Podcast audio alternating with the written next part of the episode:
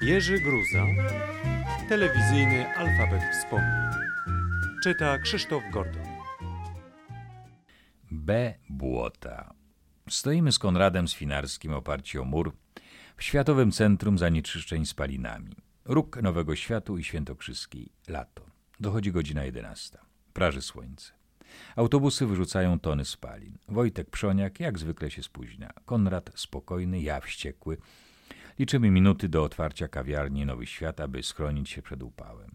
Wojtek organizuje urlop w Rumunii. Mają być zdrowotne kąpiele błotne, relaks, intelektualne rozważania, seks, słońce, a wszystko pół darmo, bo przez Almatur. Wreszcie zjawia się spocony, zdyszany, jeszcze z blond włosami do ramion. Dostaje OPR, ale mówi, że jedzie z nami Kotek, reżyser Kotkowski, z Halinką i będzie bomba. Próbuje skontrować jego optymizm opinią Kuby Morgensterna, że do Rumunii nigdy więcej w życiu. Zobaczysz, będzie tak, unosi kciuk do góry Przoniak. Po wielu tarapatach lądujemy w eforii. Kuracja błotna. Piekło, nagie, czarne diabły smażą się w słońcu. Kobiety osobno, mężczyźni osobno, ale już w morzu kąpiemy się razem i smarujemy błotem od stóp do czubka głowy. Na włosy też pomaga, mówi Wojtek i nakłada sobie czapkę z błota. Wynik? Patrz, głowa Wojtka Przoniaka dzisiaj. I na te sprawy też entuzjastycznie wtrąca się jakiś polski kuracjusz.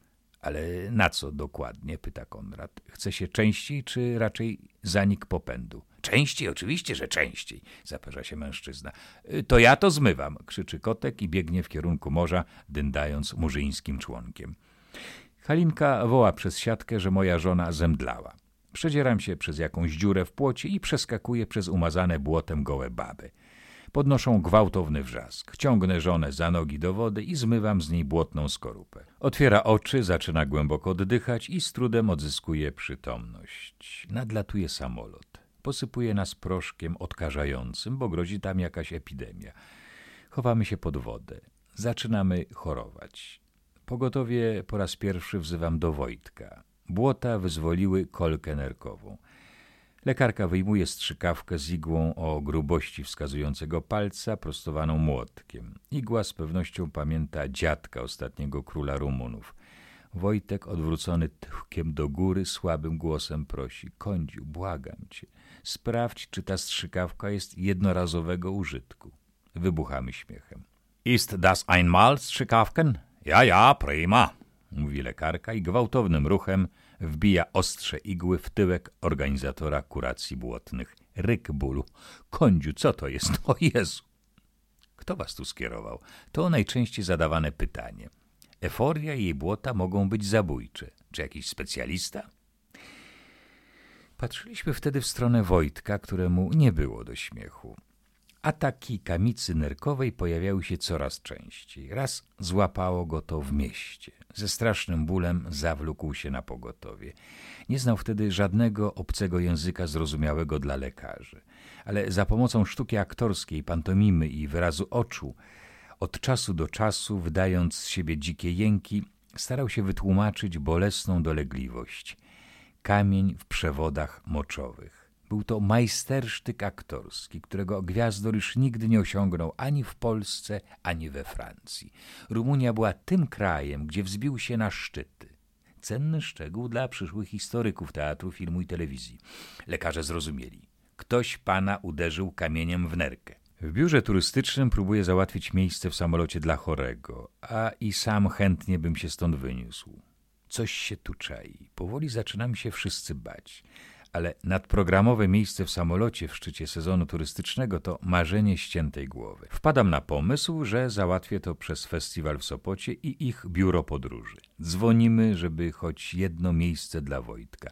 Czekam na połączenie w zatłoczonym turystami, przepraszam, handlarzami biurze. Wojtek w kolorze topielca wyciągniętego z wody po tygodniu, z grymasem bólu na twarzy, półżywy, siedzi oparty o ścianę.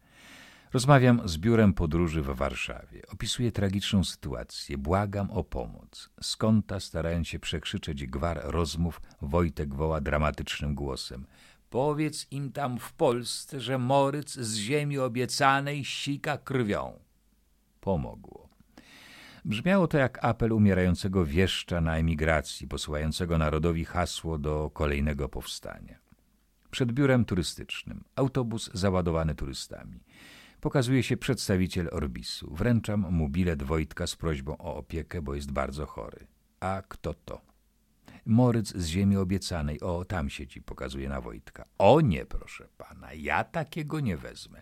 Nawet jak się nazywa Moryc. A jak mi umrze w samolocie, to co ja zrobię? Złapałem go za klapy. To cię zabije. Jak nie tu, to znajdę cię w Polsce.